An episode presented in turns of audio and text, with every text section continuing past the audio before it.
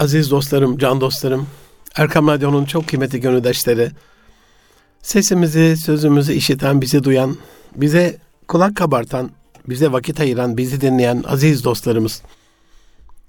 Hepinizi Hüdayi Çamlıca Külliyesi'nden Erkam Radyo Genel Merkez stüdyolarından sevgiyle, saygıyla, duayla, muhabbetle, hürmetle selamlıyorum. Hepinize hayırlı günler diliyorum. Efendim Erkam Radyo'dasınız. Münir Arıkan'la Nitelikli İnsan programında 2023'ün 50. programında inşallah iki aydan beri arz etmeye çalıştığım ondan öncesi iki ayda İslam'da izzet konusuna yoğunlukla değinmiştik.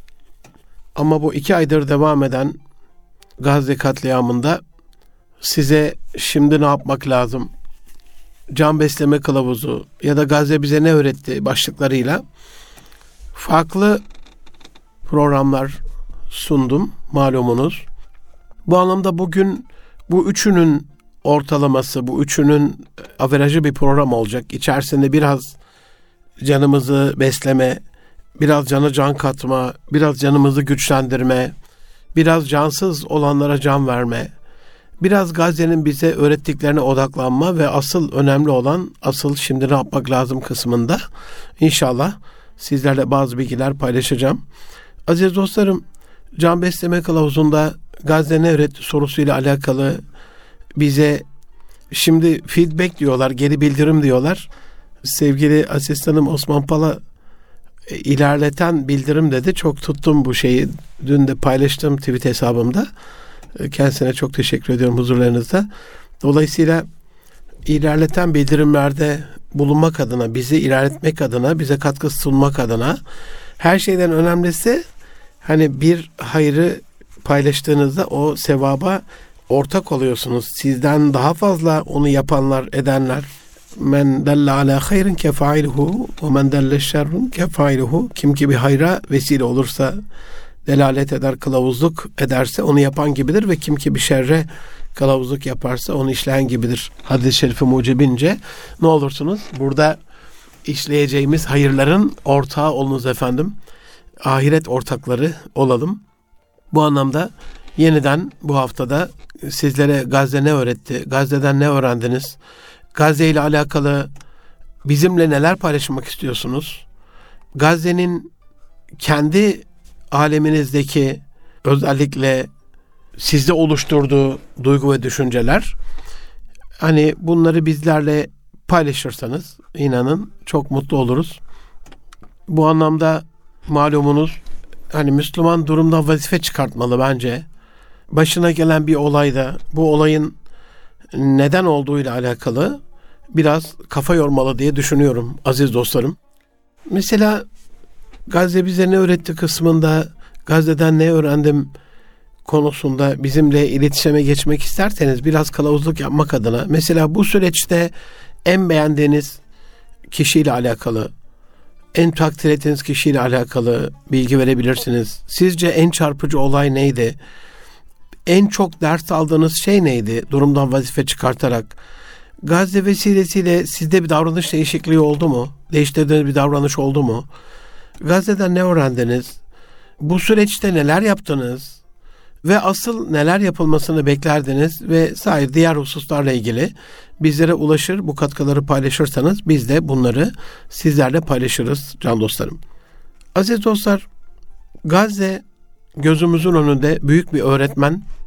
Gazze bize hani Kur'an-ı Kerim gel sadece Kur'an-ı Kerim'e mi bak der yoksa kainata, insana, Allah'ın yarattıklarına, bu yarattıkları arasındaki sisteme ve bağlantıya ve bu işleyişe mi bak der. Bunu söylerken sadece ana mı, güne mi bak der, günü kurtar mı der yoksa geçmişe bakarak geçmişten de ibret mi al der.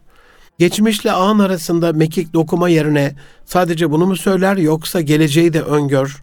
Müminin ferasetinden korkun buyuruyor Allah Resulü. Faris bir şekilde gelecek öngörüsü, gelecekle ilgili çabası buna mı odaklanın der.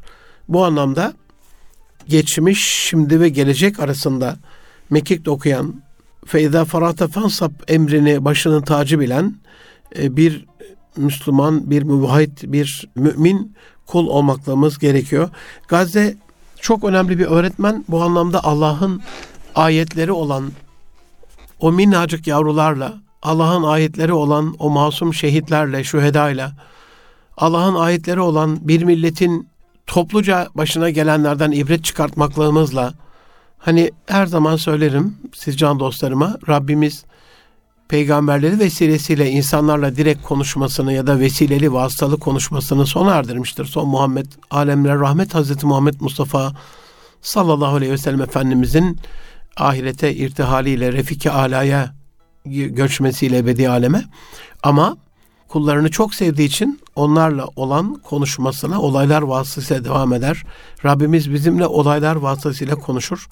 Biz maalesef Orta Doğu coğrafyasında İngiliz hainlerinin bizi ne hale getirdiğini, bölük pörçük parçalayıp yuttuğunu, parça pinçek ettiğini, birbirimize bizi düşman ettiğini, bize bir takım belli makamlar, mevkiler, bir takım ikballer sağlayarak geçici ikballer peşinde geleceğimizi kararttığını ve birçok Müslümanın da buna kandığını, ibret almadığımız için İngilizlerin 100 level, 120 level yaptıklarından şu anda tarih gözlerimiz önünde tekerrür ediyor. Dolayısıyla bu vesileyle İsrail'in, Amerika'nın, Almanya'nın, İngiltere'nin, Fransa'nın ne olduğunu gördük. Gördünüz, görüyoruz. Ne olursunuz can dostlarım, candan öte, can dostlarım, canımın içi dostlarım, aziz dostlarım. Bu acı vesileyle Allah rızası için Batı seviciliğini, Batı övücülüğünü, Batı mukallitliğini, taklitçiliğini, Batı'nın peşinden gitmekliğimizi, Allah Resulü'nün hadis-i şerifinde buyurduğu şekliyle onların bir keler deliğine bile girse o biz de kafamızı o kertenkele deliğine sokmaklığımızı artık bırakalım. Ne olursunuz. Kendi kadim uygarlığımızı, geleneğimizi, din ve ahlak kurallarımızı, anane, gelenek ve göreneklerimizi, örfümüzü, törenimizi canlandırmakla alakalı Batı bir şekilde türlü hainliklerle ilk buralara vuruyor. Bu anlamda hani Batı ile başlamışken Batı'nın ihraç ettiği beş yok edici kavram var. Bu beş kavramı Batı kendi zulmüne, sömürüsüne, tahakkümüne, soykırımına kılıf olarak kullanarak dünyayı mahvediyor bugüne kadar. Son 500 yıldır yaptığı bu. Binlerce yıldır yaptığı da bu. Özellikle 1200 yıldan beri Haçlı seferleriyle yaptığı da bu. Dünyayı mahvediyor. Bizi mahvediyor, Müslümanları mahvediyor. Bunlar bizim de maalesef savunuculuğuna ve neredeyse havariliğine soyunduğumuz beş kavram.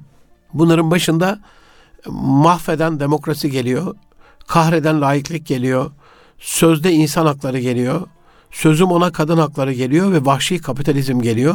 Bunları ben size demokrasi, laiklik, insan hakları, kadın hakları ve kapitalizm diye anlatsam inanın hocalarımızı tenzih ederim, din görevlerimizi ama bir cami hutbesinde bile anlatılsa Müslümanların çok uysal bir şekilde dinleyecekleri, içselleştirmeye çalışacakları, zararsız görebilecekleri beş kavramı ön takılarıyla arz ettim ki vahametin önemini idrak edin. Birinci kavram yok eden demokrasi.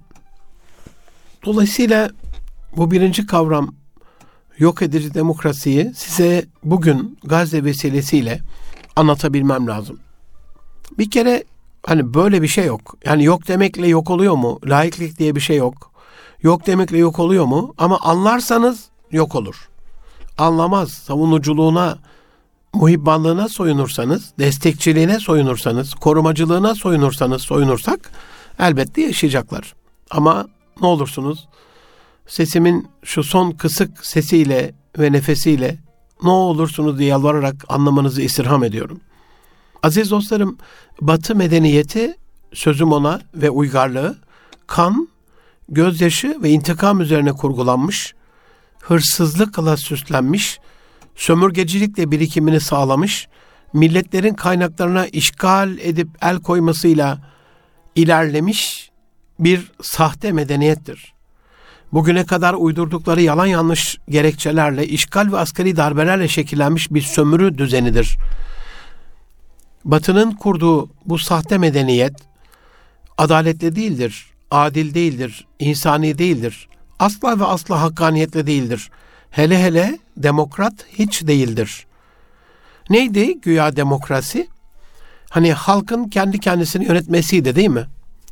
Demokrasiyi tesis edelim derken bize Allah'ın ezeli ve ebedi hakimiyetini rafa kaldırarak halkın kendi kendini yönetmesi olarak egemenlik kayıtsız ve şartsız milletindir diyerek bize bunu öngörmüşlerdi. Peki Gazze vesilesiyle gözlerimiz ardına kadar açıldı ve yaşadığımız şu dönemde ne gördük biz?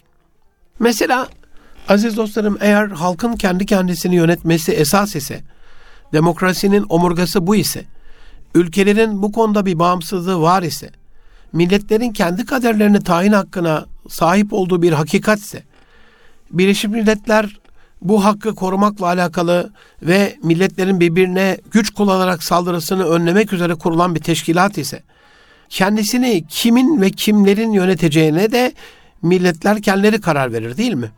Peki ne oldu Gazze'de, Filistin'de? Ne yaptı Hamas? Şu anda ağızlarında salyalar aka aka kudura kudura Hamas diye böyle telaffuz ettikleri Hamas ne yaptı? Mücahit Hamas. Meşru bir siyasal parti olarak seçimlere girdi ve kazandı. Peki sonuç ne oldu? Kendi seçip işbirlikçi bir şekilde yönetimde tuttukları İslam coğrafyalarının birçok yerinde de görmeye alıştığımız diğer satılmış adaylarını meşru sayıp onu iktidarda tutup Hamas'ı terör örgütü saydılar. Bunu birkaç yıl evvel Mısır'da da yaptılar. Seçilmiş Cumhurbaşkanı Mursi'yi şehit ederek, idam ederek. Bunu daha evvel Irak'ta da yaptılar. Libya'da da yaptılar. Suriye'de de yaptılar. Yemen'de de yaptılar. Bunu Körfez ülkelerinde de yapmaya çalıştılar. Suudi Arabistan'da da halen yapıyorlar. Onca katliamın arasında hatırlayın güle oynaya Amerikan Dışişleri Bakanı Blinken İsrail'e geldiğinde onu karşılamaya koşan, buralardan da bir ev almalısınız diye aşağılık bir cümle kuran Mahmut Abbas'a bakarsanız o dost. Hamas da düşman öyle mi? Elbette Mahmut Abbas Amerika'nın, Avrupa Birliği'nin, İngiltere'nin dostu. Hamas da Filistin'in dostu. Ve Filistin İsraillerin vatanı. Gel burasını işgal et. Olmadık işkenceler yap. Burada soykırım yap. Sana karşı çıkana terörist de. Uluslararası hukuka göre ülkeleri işgal eden insanların şu anda ABD, AB ve İngiltere'nin kabul ettiği ve destek verdiği şekliyle Ukrayna'daki gibi bir işgale karşı koyma hakkı var. Bunu rafa kaldır. Hani sözüm ona hani anlayın bunu lütfen istirham ediyorum. Hani bir ülkede orayı işgal edenlere karşı çıkanlar uluslararası hukukun kabul ettiği şekliyle orayı savunan, aynı Ukrayna'da kabul ettikleri şekliyle bir sürü silahla destekledik şekliyle vatanperver, vatanı savunan insanlar. Peki ve buna bu işgale karşı koyma hakkı var ülkelerin, milletlerin. Çünkü milletlerin kendi kaderini tayin hakkı var. Ukrayna'da ülkelerinin işgaline karşı koyanlar vatanperver, Filistin'de İsrail'in bu alçakça işgaline karşı koyup direnenler terörist öyle mi? İşte Batı demokrasisi aynen bu aziz dostlarım. Şimdi biz bu sistemin neden çırtkanı olalım? Irak'a demokrasi getireceğiz dediler. Sonuç ne oldu? Üç parçaya ayrıldı, ayırdılar koskoca Irak'ı. Milyonlarca insanı soykırımla öldürdüler. Milyonlarcasını sakat bıraktılar. Milyonlarca yetim var, öksüz var, dul var. Madeleine Albright isimli cani Amerika Dışişleri Bakanı, eski Dışişleri Bakanı Irak'ta 600 bin çocuk öldürdük ama bu gerekliydi dedi mi demedi mi? Irak'ta kitle imha silahları var yalanıyla Irak'ı işgal ettiler ve savaş bittikten sonra pardon ya aslında bu bir yalandı böyle bir şey yoktu biz bunu kurguladık diye Amerikan ve İngiliz e, başkanları bunu söyledi mi söylemedi mi? Gözümüzün içine baka baka bizimle dalga geçiyorlar. Hangi demokrasiden bahsediyoruz biz? Şimdi sizce bu alçaklar tarihin 100 yıllık, 200 yıllık, 300 yıllık, 400 yıllık, 500 yıllık, 600 yıllık, 1000 yıllık, 1200 yıllık gerisine doğru oynattığımızda bu tarihi sahnede gördüklerimize bakıp bu haysiyetsiz soykırımcı alçak caniler, vahşi barbar yamyamlar 10 bin 20 bin çocuk öldürmeyi sizce suç sayarlar mı? Bu soykırımı önlemek için bir çaba sarf ederler mi?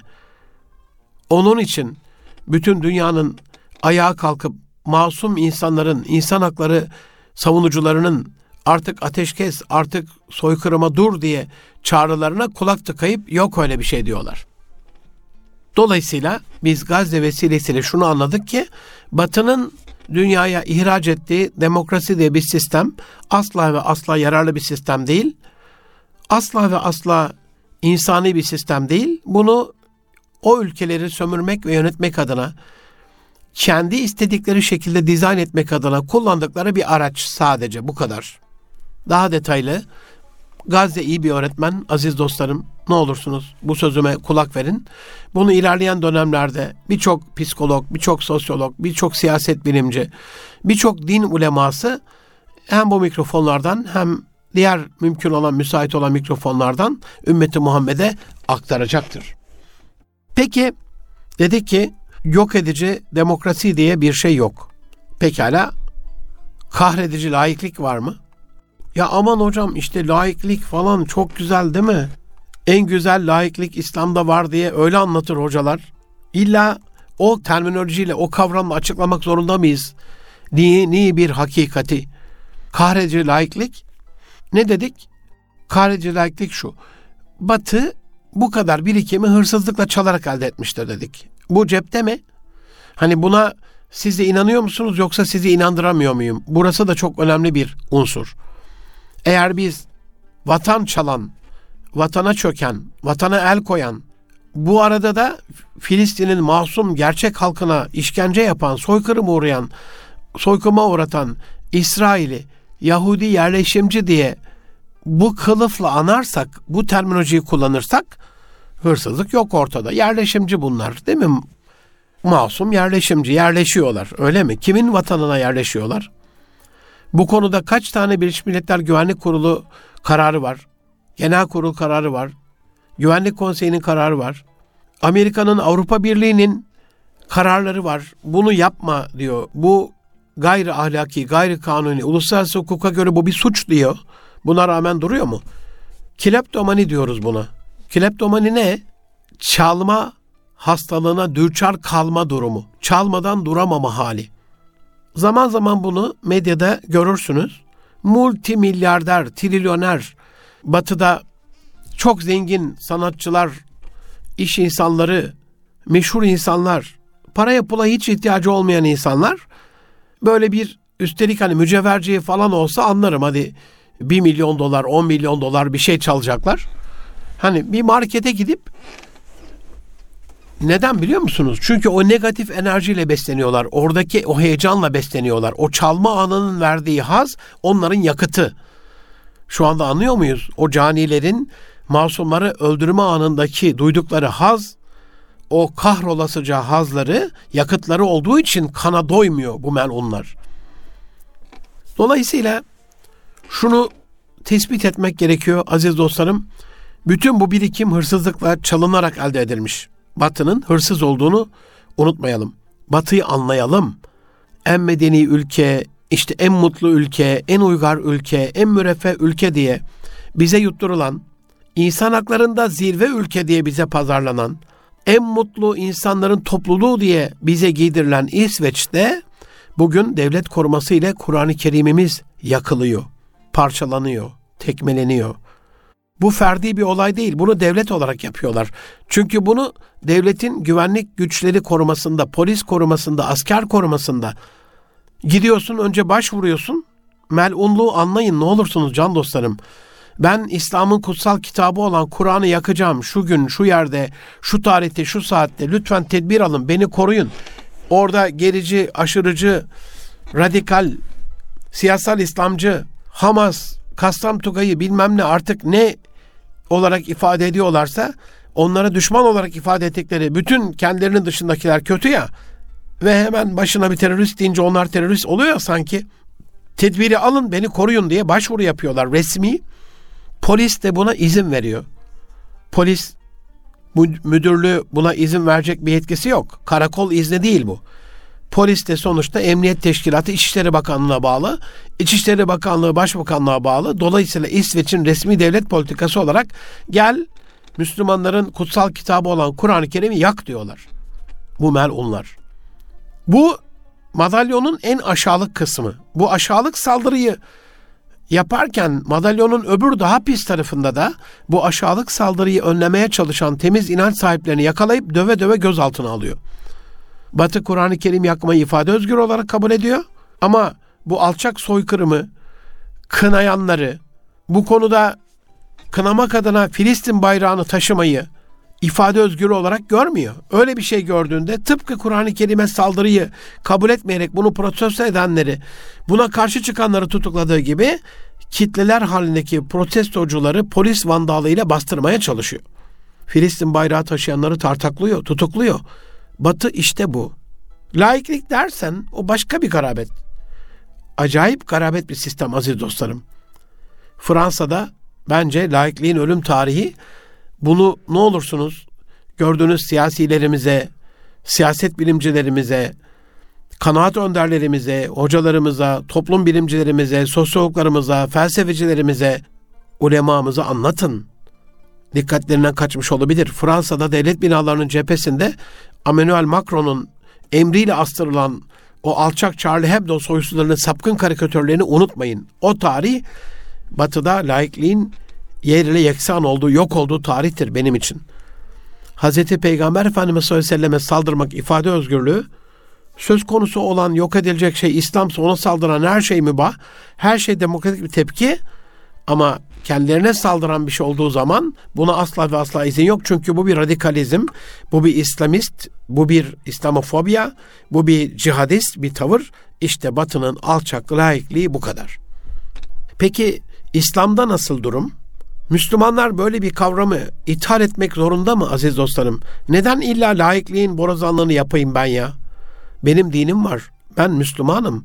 Benim peygamberim onca işkence gördüğü, ambargo altında inim inim inletildiği Müslüman kardeşlerinin aç bırakıldığı, sahabesiyle evinden, yurdundan çıkartıldığı, gittiği yerde de rahat bırakılmayıp hicret edilen mekanlarda peşlerine kadar gelip onları tekrar almaya çalıştıkları Etiyopya'da öyle değil mi? Medine'de öyle değil mi? Sonra da gidip oralarda peşlerine düştükleri Müslümanlarla yok etmek üzere savaştıkları işte Allah Resulü kendisiyle savaşıldı. Yani Mekkeli müşriklerin kendisini yok etme mücadelesi verdi. 20 yıllık bir sürenin sonunda fethettiği Mekke'de ne yaptı ve orada ne oldu? Mekke'de ne oldu? Müslümanların buna iyi bakması, Müslüman din alimlerinin de Mekke'nin fethini bizlere çok iyi anlatması lazım. O günü bir hatırlayın. Yoldalar, Ensar'ın sancağı Sa'd bin Ebade'nin elinde. Sa'd vadide Hazreti Abbas'la birlikte İslam ordunu seyreden Ebu Sufyan yanından geçerken çok da hiddetli ve şiddetli bir şekilde bugün kan dökme günüdür. Bugün harem bölgesinde de kan dökme helal olacaktır. Hani hepinizi orada yok edeceğiz dercesine. Bugün Allah Kureyş'i zelil kılacaktır. Der ve geçer. Bu sözler Resulullah sallallahu aleyhi ve selleme nakledilince Efendimizin yaptığı ilk şey ne olur? Sancağı Saad'den alarak oğlu Kays bin Saad'e verir. Bakın hani şiddet bir durumda intikam peşinde olan bir sahabesinin bu tavrına karşı çıkar Allah Resulü. Ve ne der? Hayır, hayır. Bugün merhamet günüdür. Bugün Kabe'nin tazim edileceği gündür. Yani bugün kan dökme günü değil, merhamet günüdür diye anlayın bunu. Bugün Kabe'de kan dökme değil, Kabe'nin tazim edileceği gündür diye anlayın. Bugün Allah'ın Kureyşleri zelil edeceği değil, Kureyşleri İslam'la şereflendireceği, onlar adına şerefli bir gündür, onları şerefli kılacağı bir gündür diye düzeltir bu cümleyi. İşte Mekke bu şekilde fethedildi. Müslümanların Kudüs'ü fethetmelerine bakalım. Bu dönemde bunu çok iyi anlatmak lazım. Kassam Tugayları bunu öğretti. Onlar esir aldıkları misafirlerini nasıl misafir ettiler, nasıl uğurladılar, nasıl ağırladılar. Aile üyesinden ayrılır gibiydi oradaki hal ve dünya bundan çok etkilendi. Demek ki bizim İstanbul'un fethini de çok iyi anlatmamız lazım. Bir İstanbul sakini olarak gayrimüslimleri buraya davet edip anlatmamız lazım. Allah razı olsun ebeden George Papas'a Yunan Pennsylvania Üniversitesi'ndeki profesörü, hocası George Papas'a bunu çok iyi anlatmış Selçuk Bayraktar getirmiş, burada gezdirmiş ve o Yunan profesör çok etkilenmiş İslam'ın saflığından, camilere hayran kalmış. Bu benim hayatımda çok çarpıcı bir andır aziz dostlarım. Böyle bir mükellefiyetimiz vardır. Eğer laiklikten amacımız din ve müjdan hürriyeti ise bunun en müstesna örneklerini İslam tarihinde özellikle Mekke'nin fethinde, Kudüs'ün fethinde, İstanbul'un fethinde, Endülüs'ün fethinde görürsünüz. İslam tarihinde bunun nezih örneklerini görürsünüz. Bu anlamda bizim herhangi bir batı kavramıyla Müslüman hayatımızı yeniden tazime ihtiyacımız yoktur. Bunu öğretti Gazze bana. Bir kez daha öğretti. Karikatür krizinde öğrenmiştim kısmen laiklikle alakalı bunun bir safsatı olduğunu.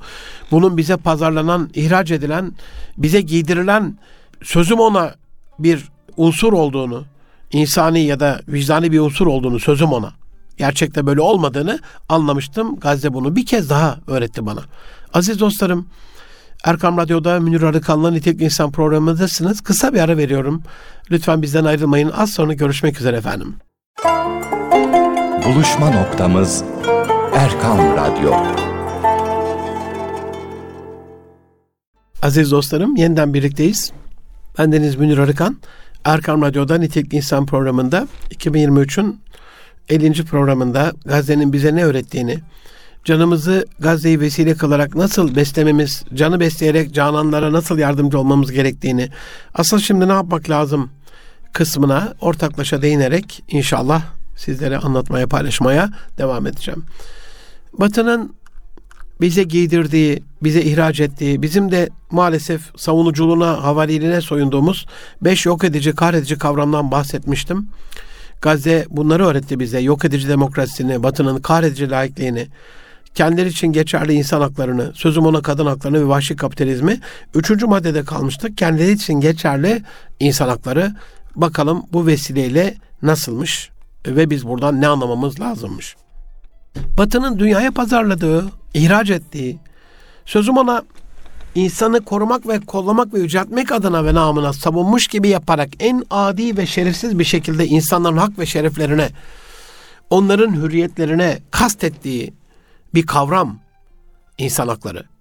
Çok basit bir kelime oyunu ile Batı istemediği insanı ki bu kesinlikle Müslümanlardır hayvanlarla, insanımsı hayvanlarla biz mücadele ediyoruz, savaşıyoruz ifadesiyle manipüle edip Gazze'de son örneğini gördüğümüz şekilde en vahşi, en barbar, en gaddar, en adi bir şekilde yok eder. Dolayısıyla Batı insanı insan olarak görmez. İnsan dediği kendisidir. Kendisine karşı çıkan her şey insanımsıdır. Hatta birazdan açıklayacağım bunu. Hayvanımsıdır ya da direkt hayvandır. Affedersiniz. Örnekleriyle anlatacağım merak etmeyin. Hani uydurduğum bir kavram değil.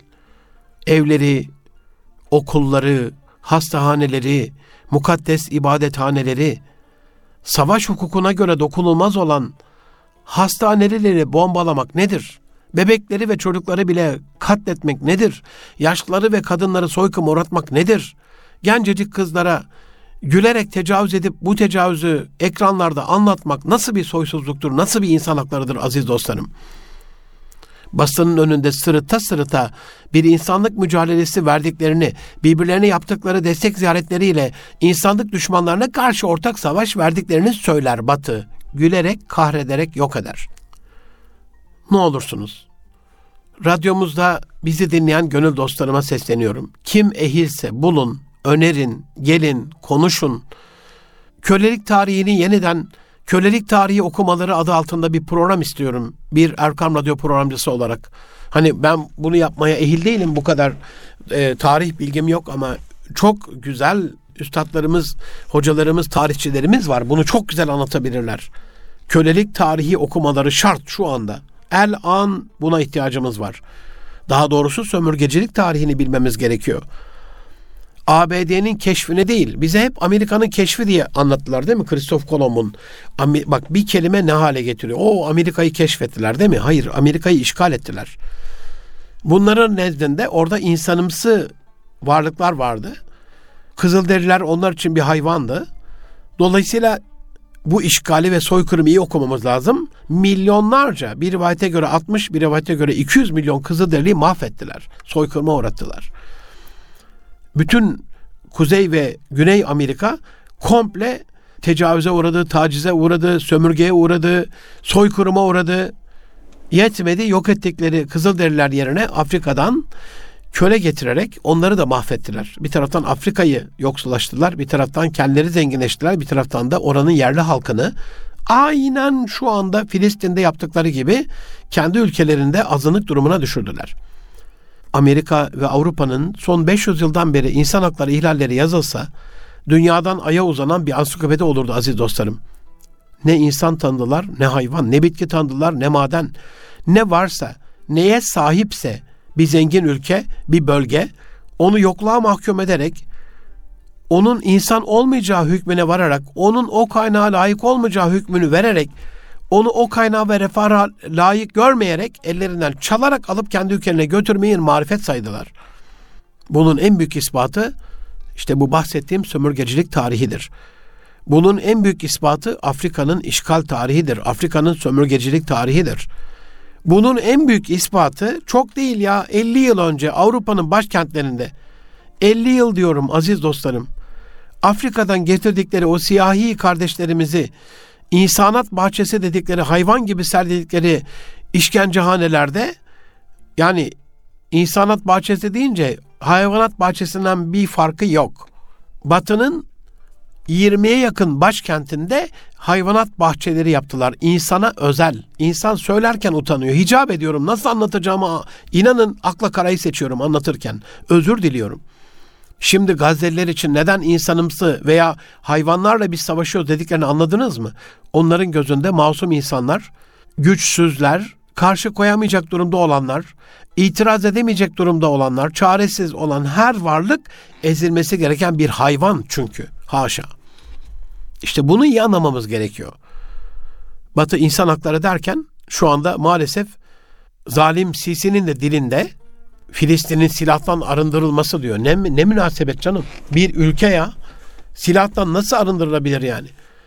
Bugün silahtan arındırılması gereken iki tane ülke varsa hadi üç tane sayayım. Bir tanesi bütün bu belaları başımıza saran Orta Doğu'yu kan gölüne çeviren İngiltere'dir. Bir tanesi büyük şeytan Amerika'dır. Bir tanesi de İsrail'dir. Çünkü bunlardır yeryüzünü fesada veren, insanları mahveden, yok eden, öldüren. Bunu anlamamız gerekiyor. Batı'nın insan hakları kavramı sadece kendileri hakları içindir. Gelelim sözüm ona kadın haklarına.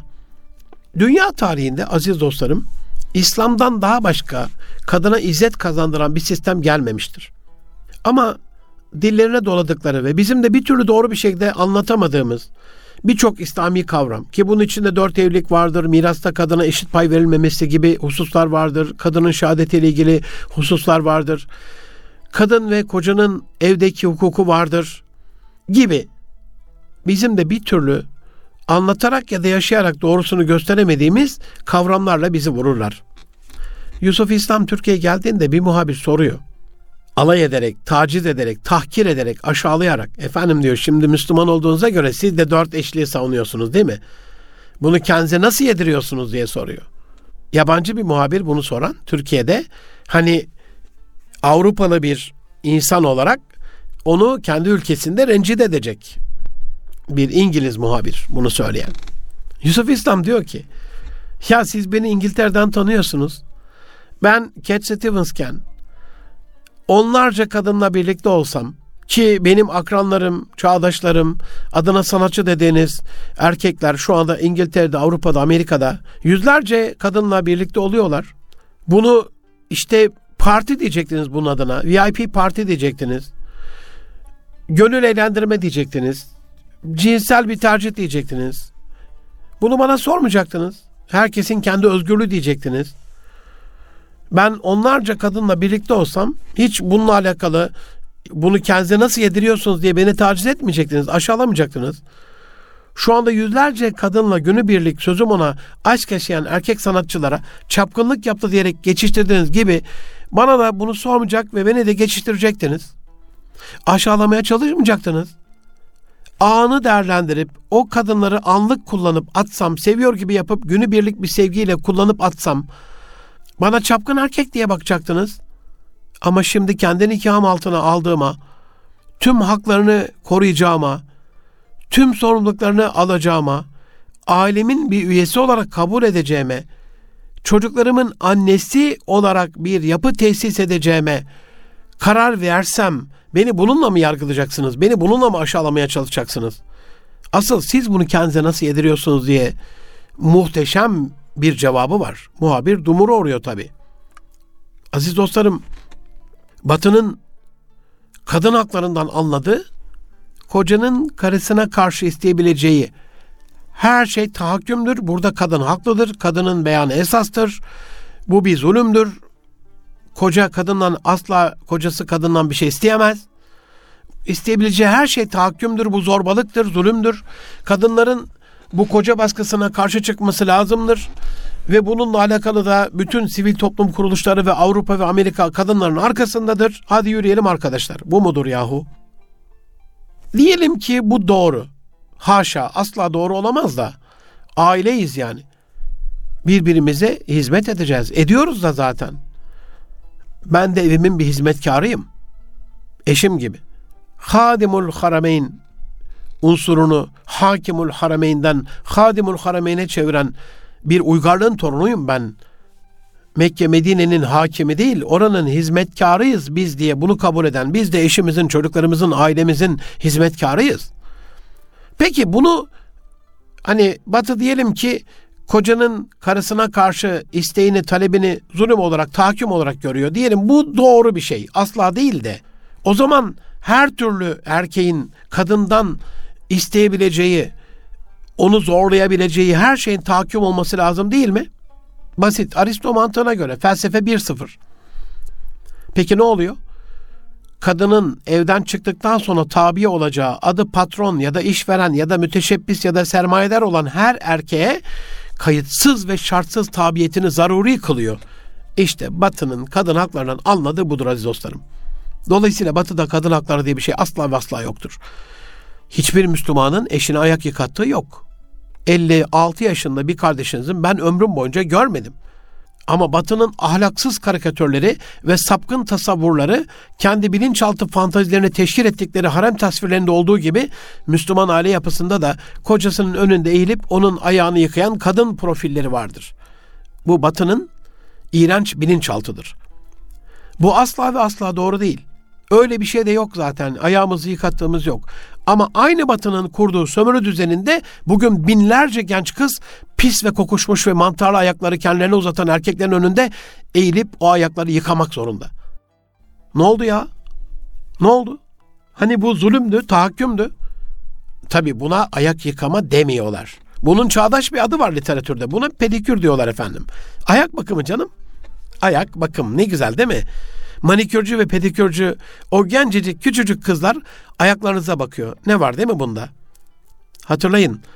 Geçen sene Diyanet İşleri Başkanlığımız aile temalı bir reklam filminde kocasına çay ve pasta ikram eden bir ev hanımını o beyefendinin eşini reklamda oynattığında ne oldu?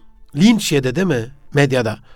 Evde kocana ikram ediyorsan çağ dışısın, gericisin, yobazsın, kadın hakları düşmanısın, kadın düşmanısın, örümcek kafalısın.'' Bize nasıl aşağıladıklarına bakar mısınız? Ama bir genç kız yüzlerce erkeğe ikramda bulunsa, bu eğer bir uçakta ise buna hostes demişler, kafede ise garson demişler. Bu evin hanımı ise ev işlerinden onu men eden iki yüzlü soytarılar evlerinde yardımcı için robot mu çağırıyor sanıyorsunuz? Hayır, orada da kadın çağırıyorlar, kız çağırıyorlar, hanımefendileri çağırıyorlar, hanım kardeşlerini de çağırıyorlar. Hani ev işleri kadını aşağılıyordu, bu bir tahakkümdü. Üstelik bu evde ise bu hizmet eden kişi uçakta hostes, kafede garson, evde ise buna ve hizmetçiye de uşak demişler. Batı'yı hala anlamıyorsak bu örnekler yeter. Yazık bize artık uyanalım. Gazze bizi uyandırması lazım aziz dostlarım.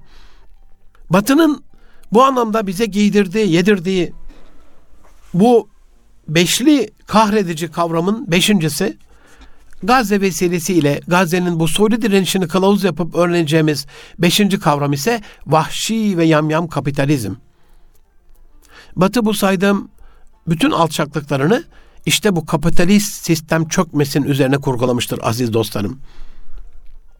Yani bütün bu yaptıklarıyla alakalı Batı'nın ne umrunda insan vardır, ne kadın vardır, ne çocuk vardır, ne ülke vardır, ne memleket vardır, ne sözüm ona karbon ayak iziyle alakalı yeşil sürdürülebilirlik bilmem ne falan vardır. Batı karına bakar.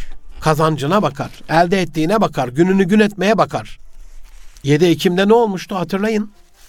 Yan tarafta yıllarca soykırım altında yoklukla inim inim inleyen insanlar aç susuz perişan vahşi bir ambargonun altında kuşatılmışken, çile çekerken sınırına kadar gelip eğlence partisi demin kocasına karşı kadını itaatini tahakküm ve kadın haklarına muhalefet olarak algılayan Batı'nın pedikür yapan kızlarımıza ayak bakımı demesi gibi buna da festival diyorlar efendim. Bu insan kudurtma değil. Bu insanı aşağılama değil. Bu insan haklarına bir aykırılık değil. Bu festival arkadaş. Niye Hamas'ta festival yapanlara, masum festival yapanlara saldırıyor ki? Allah rızası için düşünün ya mahallenizde düşünün yahu. En fakir fukara küçücük bir gece konduğunun önünde zenginleri gelip orada yiyerek, içerek, kudurarak, türlü eğlenceler düzenleyerek onlara da evlerinden çıkmaya izin vermeyerek eğlendikleri şey festival mi olur, aşağılanma ve soykırım mı olur? Dolayısıyla Batı'nın bu saydığım bütün kavramları, alçaklıkları bu kapitalist sistem çökmesinin üzerine kurgulanmıştır.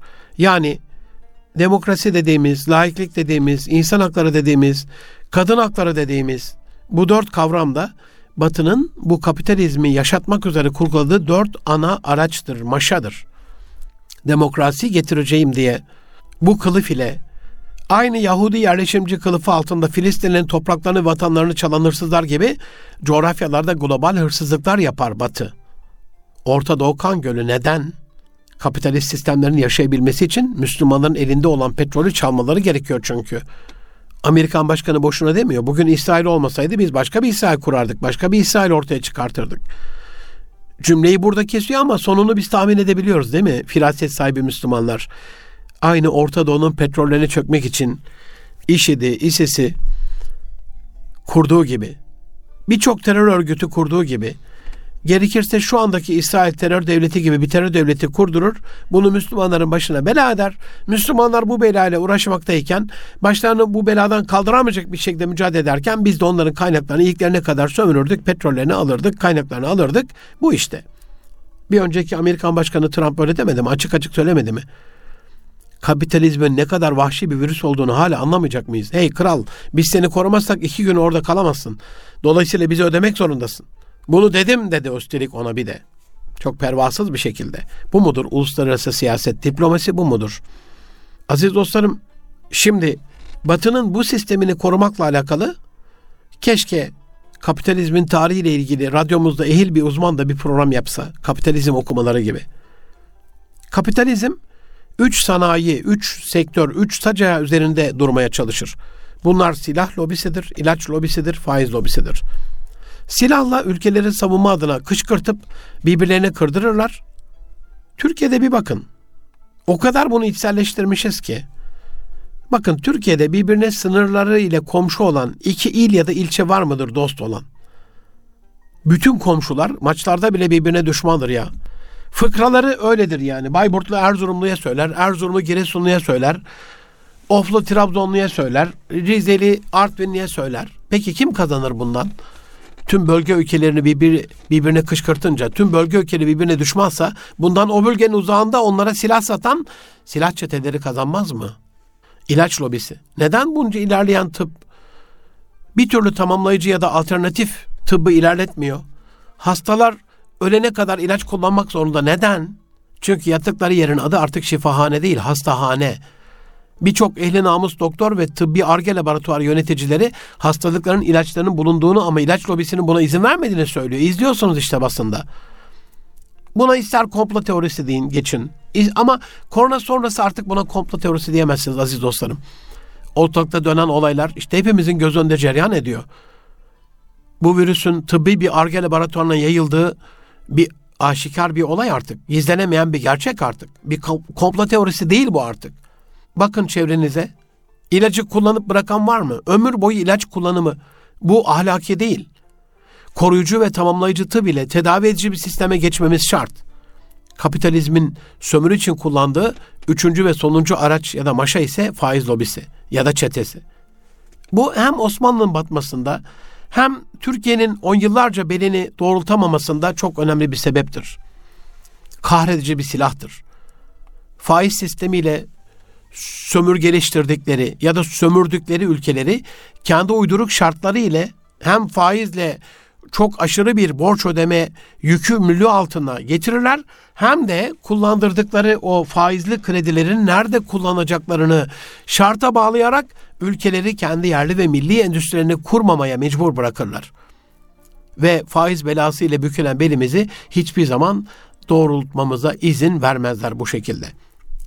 Şimdi el an, şu an Gazze ambargosu ile küresel çetelerin ilk kez global manada bir ambargo ile kaybetmeye, bu sömürü sistemlerini devam ettirmemeye başladıklarını, ettiremediklerini görüyoruz. Evet miktar küçük olabilir ama ne olursunuz Yahudi malları ve Yahudileşen, Yahudileşme temayülü olan kurumların mallarını tüketmeyelim. Osmanlı'yı yok eden, Orta Doğu'yu kan gölüne çeviren, şimdi e, Yahudi deyince falan hemen İsrail'e gidiyor. Hayır.